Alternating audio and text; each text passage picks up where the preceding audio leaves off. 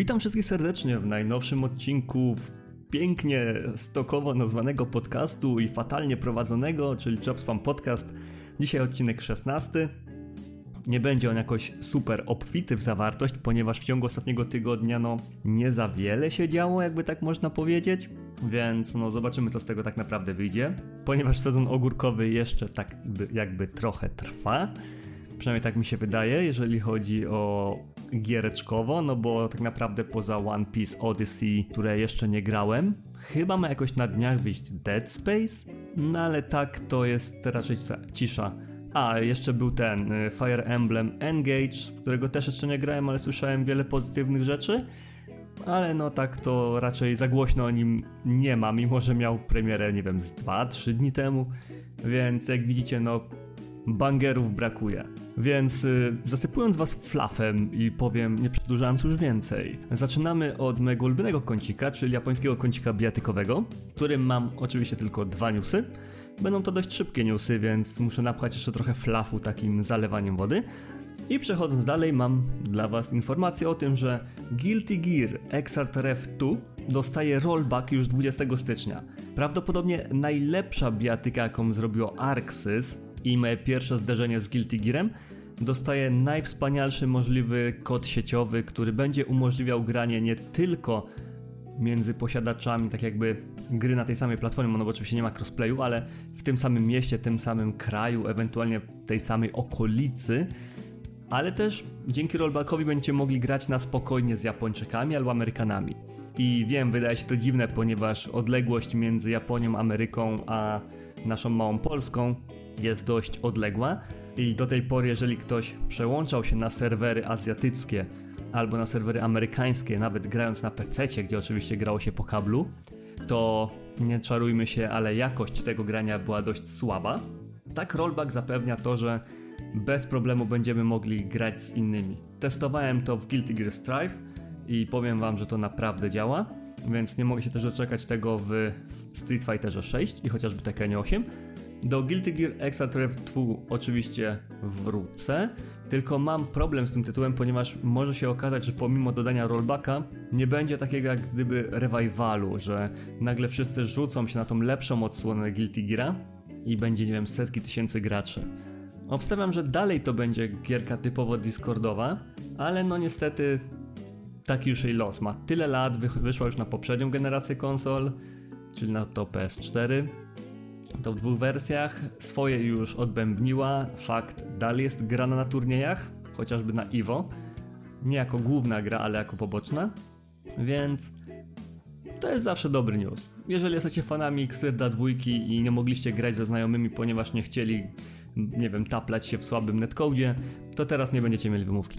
Drugą rzeczą związaną oczywiście z bijatykami jest nie tyle sama bijatyka jakaś, co fakt, że już w ten weekend odbędzie się wydarzenie, które jest nazywane przez Arxis jako Grand Blue Fantasy Fest. Jest to tak jakby impreza w pełni, no prawie w pełni poświęcona Grand Blue. I co ciekawe, nie będzie tylko mówione o tym, jak seria Grand, znaczy cała franczyza Grand Blue się rozwijała, odnośnie anime, gierki mobilne, jakiś tam, nie wiem, light novelek i tak dalej, ale pierwszy raz będzie można zagrać w Final, Fa Final Fantasy, w Grand Blue Fantasy Relink, czyli tego RPGa z otwartym światem w świecie Grand Blue, na którego posiadacze PlayStation 5 czekają już od dawna. Tytuł był zapowiedziany jakoś nawet przed Grand Blue Fantasy Versus, miał wyjść już chyba z dwa lata temu, jak nie lepiej, no ale niestety nie doczekaliśmy się, cały czas był przekładany i przekładany, i teraz ma być właśnie pierwszy taki pokaz, gdzie wszyscy grający będą mogli oczywiście dotknąć pada, po, polatać sobie postaciami, powalczyć i tak dalej. Więc prawdopodobnie więcej o tym tytule będzie już po weekendzie. I na pewno w następnym odcinku coś więcej o tym powiem. Tak czy siak tym samym zamykamy kącik biatykowy i przechodzimy do zwykłego kącika newsowego, gdzie mam też kilka newsów, a potem standardowo do tematów głównych. No więc pierwszym takim newsem, o którym warto wspomnieć jest to, że Monster Hunter Rise Sunbreak rozeszło się już w liczbę 5 milionów kopii. Co w porównaniu do przykład takiego Call of Duty, FIFA, nie wiem, innych gier, jakichś bangerów typu A, gdzie przykład Elden Ring, Zelda Breath of the Wild, mogłoby się wydawać, że co to jest 5 milionów? 5 milionów to sprzedają indyki, które są trzepane na kolanie gdzieś tam w piwnicy u kogoś u rodziców, gdzie mają piksele i tak dalej i grę ma nam, nie wiem, na 5-10 godzin. Można by tak twierdzić, można by mówić, że to nie jest sukces, ale 5 milionów kopii to jest naprawdę dużo. I szczególnie, że jest to Monster Hunter. Gra, która nie do końca jest skierowana do szerokiego odbiorcy, jak właśnie na przykład Elden Ring, jak chociażby, nie wiem, Uncharted, albo inne Tomb Raidery i takie tam, w które gramy oczywiście w Nowy Rok, znaczy w Sylwestra. Więc tutaj szapoba, że udało im się.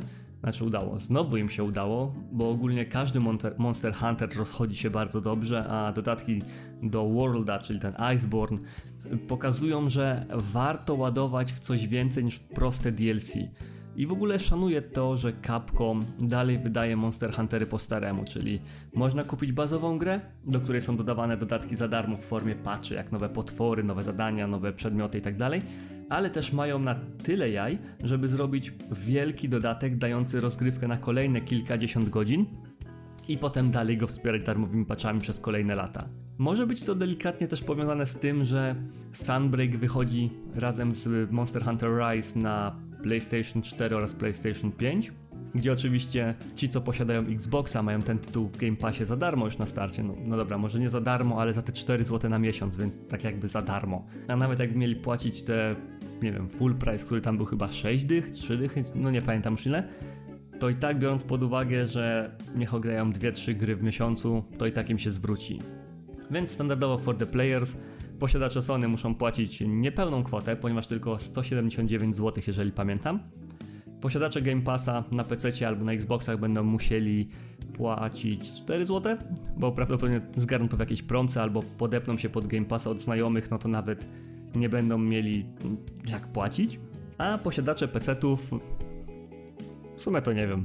Nie patrzyłem ile ta gra kosztuje na Steamie, ale obstawiam, że też około 180 zł za chwilę pewnie będzie w bundlu za 5 zł, a już 3 czwarte pewnie będzie miał spiracone i jakoś tam średnio wierzę w to, że scena Monster Huntera na PC jakkolwiek przetrwa. To jest bardziej taki osobny rezerwat, y, który jest taki dodany na siłę, tylko żeby ludzie na PC-tach mieli w co zagrać, żeby tak delikatnie trochę kasy jeszcze natrzepać, bo bardzo dobrze wiemy, że Capcom głównie inwestuje w rynki konsolowe, więc no, tego nie zmienimy. A propos inwestycji w rynki konsolowe. Niestety Koei Tecmo musiało zainwestować trochę więcej w nie tylko rynki konsolowe, ale fajny clickbait, nie? Musiało zainwestować trochę więcej w Atelier Ryza 3, Alchemist of the End and the Secret Key. Wiem, zarżnąłem nazwę totalnie, nie umiem mówić po angielsku. Gra miała wyjść już, jeżeli dobrze pamiętam, 22 lutego, ewentualnie tam chyba 24 na świecie. No jakoś tak dwa dni różnicy miało być, a teraz została przesunięta na marzec.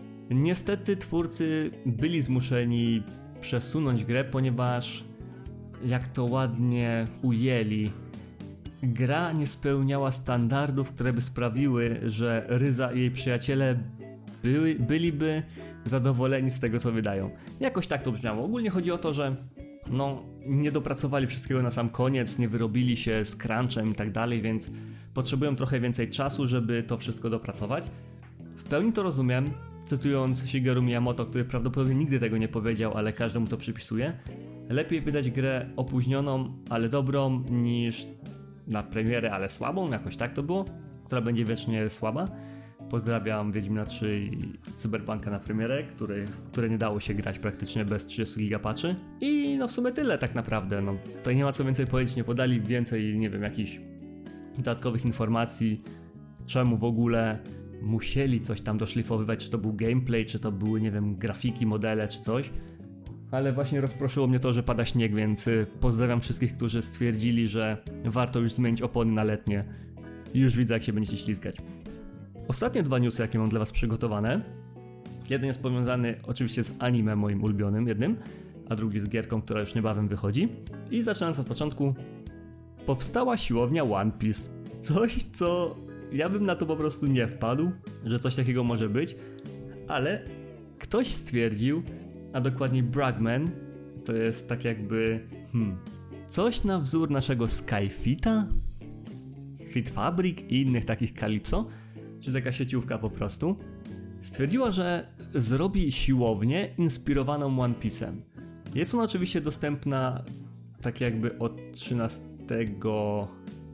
stycznia, czyli już w sumie od 5 dni, a teraz dopiero na to wpadłem, y, w Shibui, więc tak jakby no możecie sobie tam pójść, jeżeli jesteście gdzieś w okolicy i poćwiczyć w stylu, w jakim mogą ćwiczyć piraci sumianego kapelusza. Co lepsze, jeżeli chcecie wejść tylko na trening taki typowo, żeby raz zobaczyć, to to kosztuje 17 dolców, więc to nic takiego.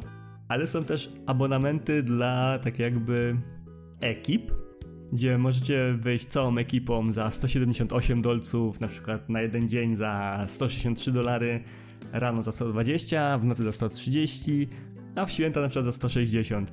I co jest super fajne, możecie wybierać swoje własne przydomki pirackie. Trenerów macie ubranych jak w postacie z One Piece.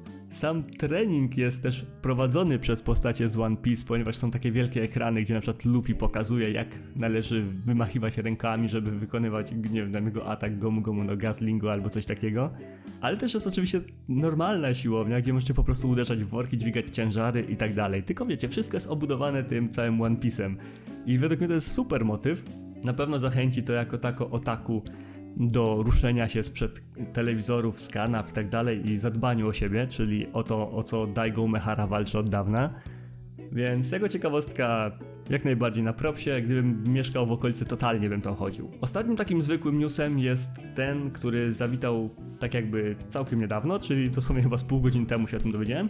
Czyli już nawet nie chodzi o to, że w marcu chyba, no nieważne, kiedy tam wychodzi Final Fantasy XVI, Ważne jest to, że wychodzi w wersji językowej, polskiej. Więc wszyscy, którzy narzekali, że nie mogą grać w Final Fantasy, bo nie znają języka, teraz tak naprawdę nie mają wymówki, ponieważ całość będzie dostępna z napisami po polsku, więc jest to tak jakby przełom. Fakt, wiele gier japońskich pojawiało się już na rynku polskim z polskimi napisami, czyli tak jakby, no nie wiem, macie Monster Huntera, macie oczywiście One Piece i wiele innych tytułów, ale to chyba będzie pierwszy final, który się w ogóle pojawia w wersji, polskiej wersji językowej, więc to jest warte odnotowania.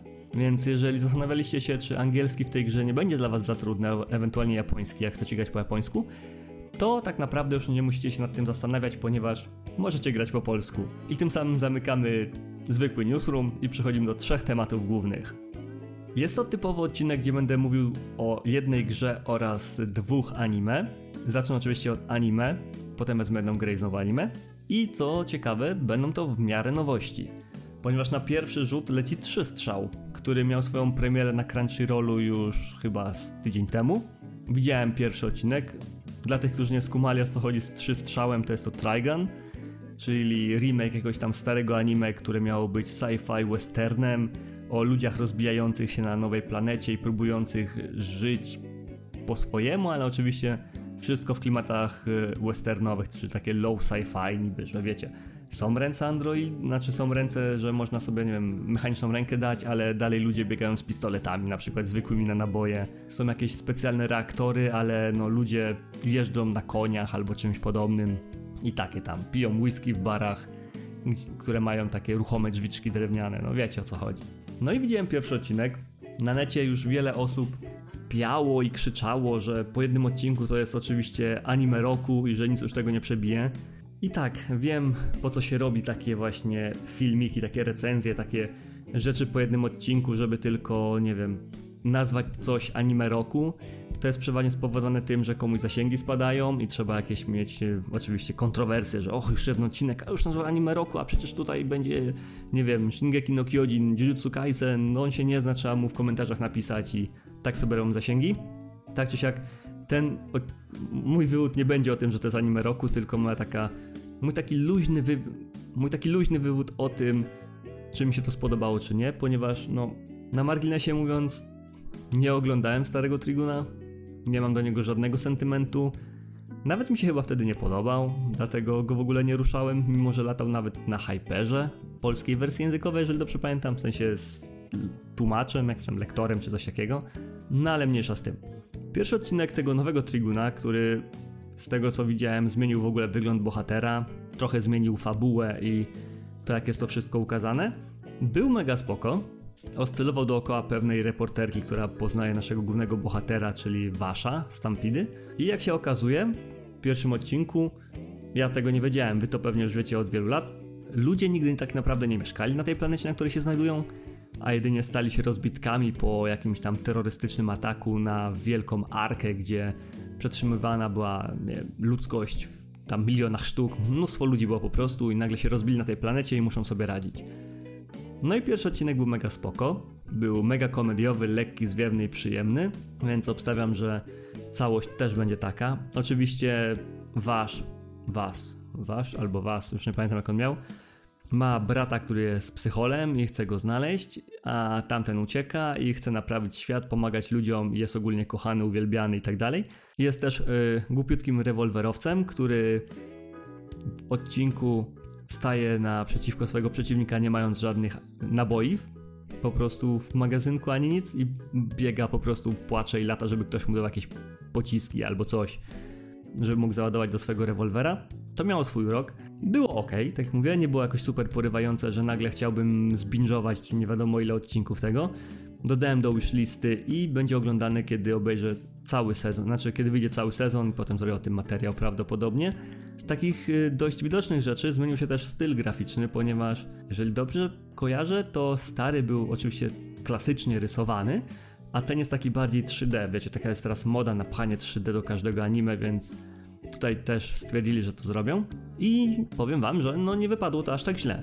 Nie mamy tutaj takiego kazusu jak w przypadku Berserka nowego, gdzie animacja po prostu kuła w oczy i nie dało się tego oglądać. Tutaj jest płynnie, ładnie, kolorowo, pełno detali, więc jeżeli tak naprawdę no chcielibyście się z tym zapoznać, ale nie macie jakiegoś wielkiego parcia na to, to śmiało możecie poczekać, aż wyjdzie cały sezon, wtedy obejrzeć sobie 1, 2, 3 odcinki i zadecydować, czy na pewno chcecie z tym spędzić dalej, nie wiem, kolejne minuty, czy jedynie to będzie jakaś tam, nie wiem, produkcja jako second screen podczas pracy i nie będziecie sobie tym głowy zawracać. No bo nie czarujmy się, ale Trigun jest taką produkcją, którą można oglądać na second screenie, ponieważ no, czy włączycie go w pierwszej minucie, czy w czwartej, czy obejrzycie całość, patrząc na to uważnie, czy jedynie zerkając jednym okiem, i tak nie zgubicie tego, co się dzieje. To jest taki, no, coś jak typowy serial w telewizji, tak? Żeby sobie po prostu leciał, leciał kiedy, nie wiem, ubijamy kotlety do, na obiad albo coś takiego. Więc polecam ogólnie, ale nie musicie się jakoś zrywać, żeby to oglądać. Drugą rzeczą, o której chciałbym dzisiaj powiedzieć, o tym będzie jednak trochę więcej, będzie Scarlet Nexus. Tytuł, który odkryłem dawno, dawno temu, ale z którym no nie miałem po drodze. Nie chciałem kupować go na premierę, mimo że wydawał się grom idealnie skrojoną pode mnie, Szczególnie jak się później okazało, jest osadzony w tym samym uniwersum co Code Vein, czyli tak jakby no, jeden z lepszych Souls-like'ów i łatwiejszych Souls-like'ów, który splatynowałem razem z Agnieszką. Pozdrawiam Cię Agnieszko, o ile tego słuchasz. No i ona też mnie namówiła, żebym ostatecznie już kupił to Scarlet Nexus. Odpaliłem i powiem Wam, że jestem zauroczony. Po części zakładałem, że twórcy, tak jak przy okazji Code Vein, gdzie chcieli mieć swojego Souls-like'a, teraz tak naprawdę będą chcieli mieć swojego Devil May Cry, ewentualnie swoją bajonetę, ale powiem wam, że to nie tędy droga. Zamiast tego chcieli zrobić swoje, tak jakby Nier Automata, czyli też grę opartą na dość płynnym systemie walki od Platinum Games, ale oczywiście nie mieli tutaj do, dostępu do Yokotaro, więc fabularnie nie jest tak zawiłe, nie jest tak... Nie chcę mówić, że nie jest tak ciekawe jak Nier Automata, ponieważ gra na chwilę obecną, czyli na te kilka godzin, które grałem, wydaje się być ciekawa, ale też wydaje się być pełna flafu, więc no pacing tutaj potrafi siąść i to dość mocno. No ale mniej więcej tak to jest. Scarlet Nexus jest to RPG akcji, w którym oczywiście możemy śledzić historię z perspektywy dwóch bohaterów. Jednej bohaterki, jednego bohatera. Bohaterka ma na imię Kasane, bohater ma na imię nie pamiętam jak, ponieważ nigdy nie gram prawie facetami w grach. Więc no, hej. Kasane jest oczywiście psioniczką, tak jakby. Może oczywiście za pomocą telekinezy rzucać rzeczami, wykonywać różne akrobacje, ataki i tak. Atakuje przy pomocy broni, która łudząco przypomina te spinki Orihime z Bleacha, a ten chłopak, którego imienia zapomniałem, nie, Kasane Randall i nie pamiętam jak on miał, walczy przy pomocy wielkiego miecza. I tyle. Co ciekawe, historię obserwujemy z dwóch perspektyw, nie tak jak w innych grach, że po prostu wybieramy defaultową skórkę naszej postaci i tyle. Historia dzieje się tak samo, ale z tego co usłyszałem, to mają różne swoje etapy. Coś jak właśnie w Nier Automata, gdzie w jednym rozdziale śledziliśmy poczynania B2, w drugim A2, a w trzecim 9S. Każde widziane z innej perspektywy, niektóre eventy różnią się, no bo na przykład Kasane walczy w jednym miejscu, a ten chłopak walczy w drugim miejscu, spotykają inne postaci i tak dalej, i tak dalej. System walki jest banalnie prosty, ponieważ mamy tylko kwadrat, trójkąt do siekania i tak dalej. Możemy też używać mocy telekinezy u Kasane i to robimy przy pomocy R2, które możemy wciskać y, tak jakby no, na, na uboczu. Ponieważ tu możemy siekać i trzymać R2 i wtedy jeżeli jakiś przedmiot znajduje się w pobliżu, którym ona może rzucić, to wykona atak tym przedmiotem w trakcie tego, jak normalnie siekamy. Oczywiście po tym całym rzucie możemy wykonać follow-up, który dodaje dodatkowe obrażenia. Możemy robić tych follow-upów kilka pod rząd, zależy ile mamy mocy psionicznej akurat w danym momencie. Mamy też oczywiście jakieś ataki podbijające, ataki z wyskoku, uderzenia w ziemię i tak dalej. I są też takie ataki specjalne, które wykonujemy przy użyciu L2. Jeden typ ataków specjalnych polega na tym, że bierzemy coś naprawdę ciężkiego, czego normalnie R2 nie możemy podnieść, rzucamy w naszego przeciwnika, po czym następuje follow-up tym przedmiotem, który musimy potwierdzić małym quick time eventem. No i są oczywiście też finishery, które jeżeli zbijemy tak jakby no pasek, nie wiem jak to powiedzieć, staminy, obrony naszemu przeciwnikowi, to wtedy możemy wykonać taki finisher i unicestwić go praktycznie za jednym strzałem. Wyglądają one fajnie, czasami są dość mocno oderwane animacje od siebie, ale no co można zrobić? Nie, nie zawsze się udaje, tak? Może to trochę gryźć w oczy, ale w większości przypadków jest ok. Pod względem fabuły jesteśmy typowymi uczniakami w szkole militarnej i oczywiście jak to na zasadach protagów wychodzi, tylko na przykład my albo elitarna grupa uczniów była w stanie opanować pewne umiejętności red stringów, które pozwalają na walkę z demonami, ewentualnie potworami czy jakimiś innymi mutacjami, które w grze nazywane są Oder. I no właśnie jesteśmy tak jakby kadetami wcielonymi do szkoły, która ma sprawić, że dołączymy do oddziału, który jest stworzony do zwalczania takich właśnie zagrożeń ludzkości. Jak to w życiu bywa, no w pierwszej misji mamy niby tylko być asystą, mamy odprowadzać, nie wiem, cywili do schronu, ale się okazuje, że nagle ten cywil jest atakowany i my musimy się rozprawiać z przeciwnikiem, prasa to podłapuje, nagle jesteśmy bohaterami i tak dalej, i tak dalej, ludzie na nas dziwnie patrzą, wszyscy nas znają i tak zaczynają się nasze perypetie. Y, jeżeli chodzi o fabułę, to za dużo nie mogę powiedzieć, nie tylko dlatego, żeby nie spoilerować, ale też dlatego, że nie za dużo jej liznąłem.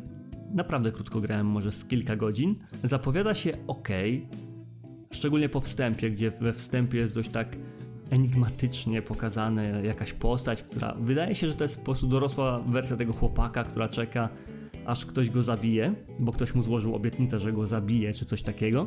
Ale no to zobaczymy w przyszłości. Jest to dość prosta fabuła, jak już mówiłem.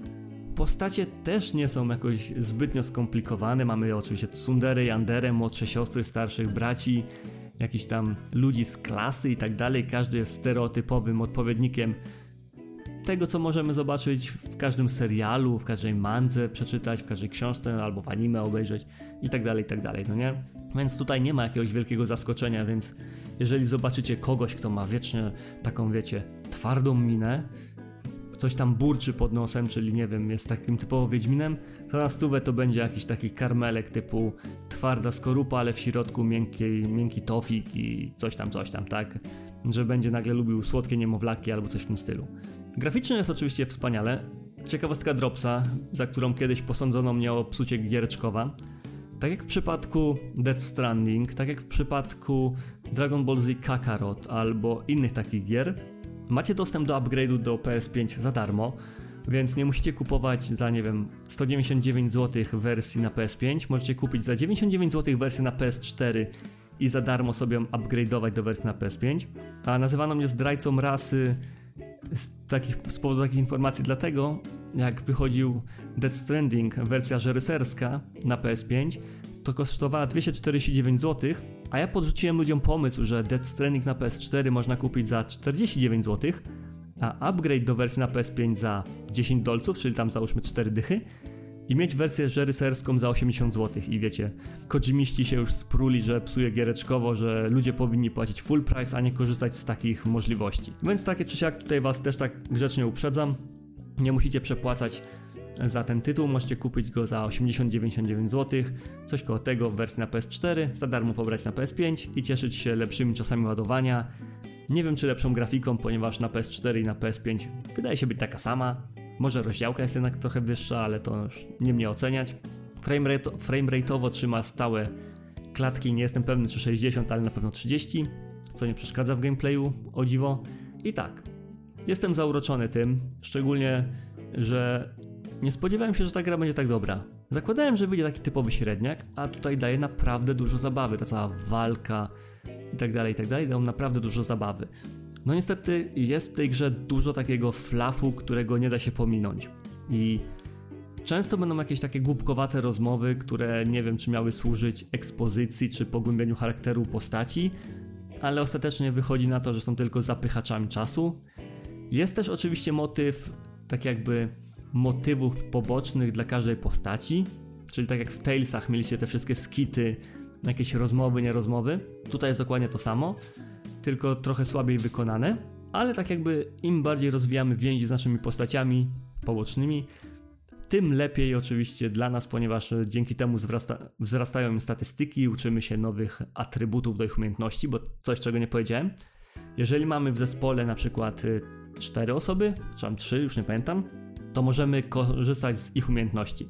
I o ile Kasane może na przykład y, walczyć za pomocą tych swoich spinek, to możemy dołączyć do zespołu kogoś, kto ma, nie wiem, jako umiejętność niewidzialność, przez co możemy stawać się oczywiście niewidzialni. Przeciwnicy nas nie atakują i możemy im od tyłu większe obrażenia zadawać. Ewentualnie możemy nasycić naszą broń elektrycznością, możemy sprawa- sprawić, że będzie wszystko duplikowane. I to jest bardzo fajna taktyka, ponieważ jest taka postać Kyoka, jeżeli dobrze pamiętam. To jest pani kapitan. I jej umiejętność polega na tym, że ona potrafi duplikować rzeczy. Jeżeli użyjemy, to ona nie tylko duplikuje siebie, że biegają trzy Kyoki, to jeszcze wszystko, co rzucimy w przeciwnika albo zrzucimy na niego za pomocą L2, będzie też zduplikowane, więc zadaje dwa razy więcej obrażeń. I to jest super motyw bardzo szybko ściąga tarczę przeciwników i można dzięki temu ich na szybko finisherem wykończyć, więc polecam. Tak samo fajny, ale dość prosty jest system rozwoju postaci, który oparty jest tak jakby na license boardzie z Final Fantasy XII. Z tą różnicą, że tutaj mam po prostu drzewko, na którym wydajemy punkty i odblokowujemy rzeczy. Ale tak to jest kropka w kropkę license board. Tu odblokowujemy, że możemy mieć więcej energii kinetycznej, tu odblokowujemy, że możemy double dasha robić, double jumpa, jakieś tam myki po uderzeniu, które sprawiają, że nie będziemy leżeć na ziemi. I właśnie tutaj przychodzi pierwszy taki minus tej gry, czyli dość słaby system uników, ponieważ y, w Bajonecie, w automacie, w ogóle w grach od Capcomu, jak na przykład Devil May Cry i tak dalej, ten unik jest bardzo taki natychmiastowy, wiecie, naciskacie i praktycznie przez cyk unik, jakiś tam witch time i tak dalej. Tutaj z unikiem jest trochę gorzej, ponieważ unik zaskakuje dopiero po tym, jak animacja poprzednia skończy się i o ile nie użyjemy jakiejś innej. Czyli jeżeli naciskamy na przykład dwa razy trójkąt, to, to nie jest tak, że możemy w trakcie to przerwać i zrobić unik, tylko musi się normalnie animacja tego ataku skończyć i dopiero wtedy unik. A tak to jest normalnie witch time, jak w bajonecie, że jak wykonam idealny unik, no to wtedy wiadomo, czas zwalnia i możemy dodatkowo atakować. I to było w sumie na tyle, jeżeli chodzi o Scarlet Nexus. Jak na razie jestem oczarowany, zobaczymy co dalej da mi fabuła. Liczę na wiele, ponieważ no tego flafu jest trochę sporo i tego przeklikiwania zbędnych rozmów jest sporo, a chcę trochę tego mięska takiego, żeby się wyjaśniło czemu nagle świat jest taki, jak to jest powiązane z Code Vein, czy to jest przed, czy po Code Vein, czy pojawią się postacie może z Code Vein, ale to dopiero no, w przyszłości. Ostatnim tematem, który chciałbym poruszyć w tym odcinku jest tak jakby no pierwsza część finałowego zestawu ostatniego sezonu, pierwszej połowy drugiego odcinka, czwartego, nie wiem, etapu Shingeki no Kyojin. Wiecie jak to tam oni wydają, że chyba im oglądalność spadała, no to musieli nazwać coś ostatnim sezonem, żeby ją podbić i teraz od 50 lat wydają ten ostatni sezon w częściach jak JoJo po prostu i no. Tak czy siak zacząłem oglądać finałowy sezon Shingeki no Kyojin znany u nas jako Atak Tytanów, a dla tych, którzy nie znają oryginału jako Attack on Titan. I powiem wam, że poprzedni sezon był spoko. Oczywiście recenzję całości powstania, jak już wyjdzie cały ten do końca, bo nie chcę mi się rozbijać na robienie recenzji tylko o jednym sezonie, tylko zrobię od razu o całości. Wszystko przed poprzednim sezonem było kiepskie, przynajmniej takie w moim odczuciu. Nie dało się lubić ani postaci, ani fabuła jakoś nie była dobra, ani jakieś walki nie były super i tak dalej, i tak dalej. Nic się nie zanosiło, że to będzie dobre. Ale ten finałowy sezon, przynajmniej te pierwsze chyba 8 odcinków albo 9, które widziałem do tej pory, po prostu zrywa czapki z głów. Jest naprawdę fajnie w końcu. Co nigdy nie myślałem, że to powiem o Ataku Tytanów, że w końcu będzie miał fajne anime, no nie? Jestem równie mocno zaskoczony, co w przypadku My Hero Academia, gdzie ostatni sezon, w sensie nie ten, który jest teraz, gdzie bawią się w grę i wszystkich mordują, tylko ten wcześniej, gdzie był cały, znaczy cały, tam było pół sezonu o złoczyńcach. Ten cały sezon z sezonem o złoczyńcach był super, bo ten przed nim, to nie pamiętam już, który to był, piąty, czwarty, no nieważne, był po prostu kiepski. Więc tutaj jest tak samo. Mieli kiepskie sezony i teraz ten ostat... przedostatni był ok i teraz ten ostatni jest super. Bardzo mi się podobało to, że widzimy dorosłe postacie, które kończą w dwojaki sposób, ale no oczywiście widać ten postęp czasu.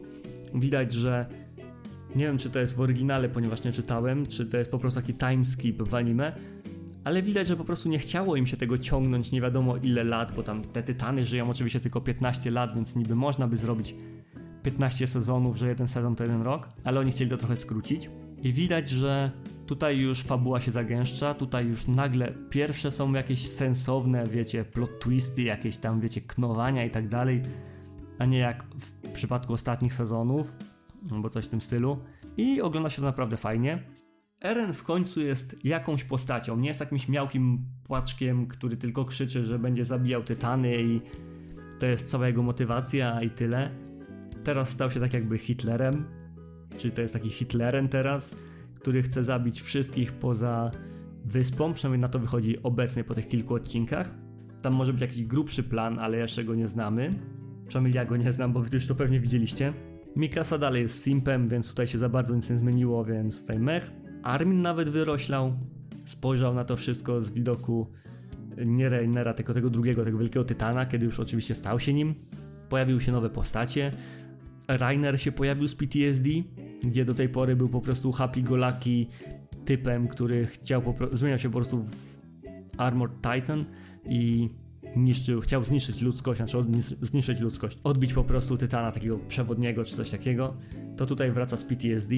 Pojawiły się nowe postacie, które mają moce tytanów. Najbardziej zmarnowaną taką postacią jest y, Tytan Młota, z tego co pamiętam.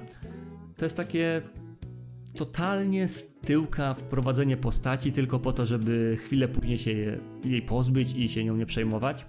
I jedyne co jest na plus w tym Tytanie z młotem jest to, że wyglądał jak stand z JoJo i to w sumie tyle.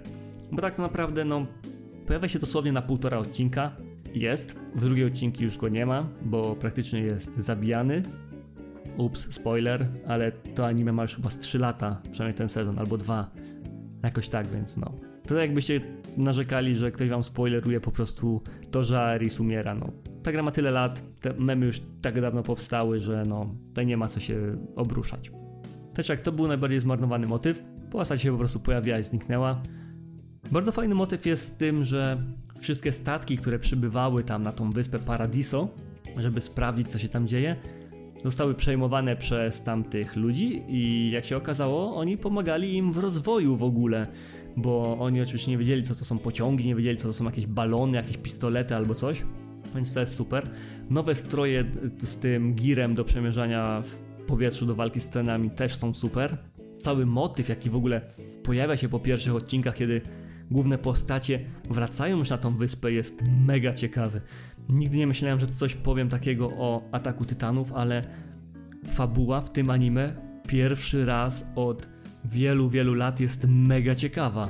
Po prostu ogląda, ogląda się to z y, oczami jak pięciozłotówki i nie ma się czasu, żeby nawet popcorn ładować do ust, żeby go jeść podczas oglądania.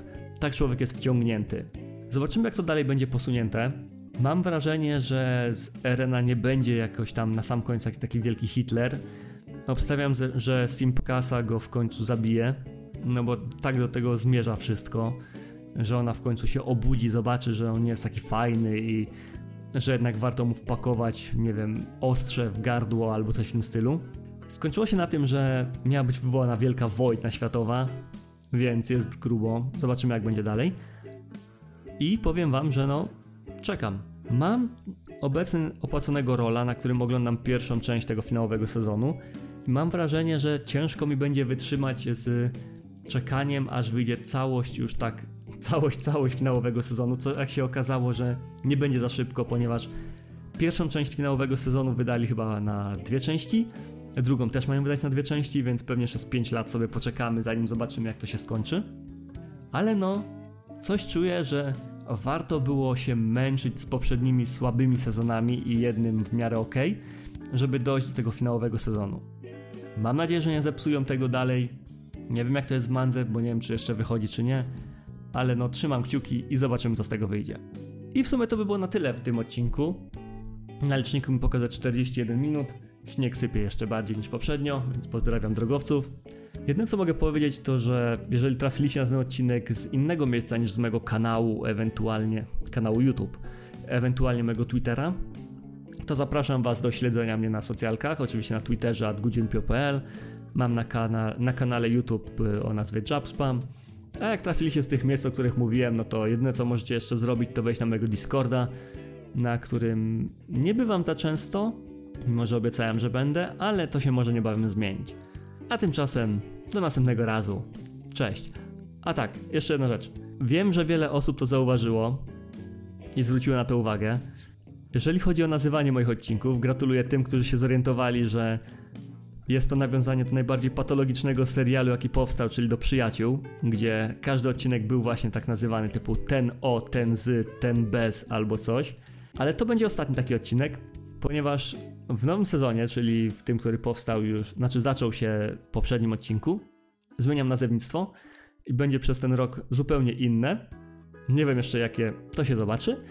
I teraz już naprawdę do następnego razu. Cześć.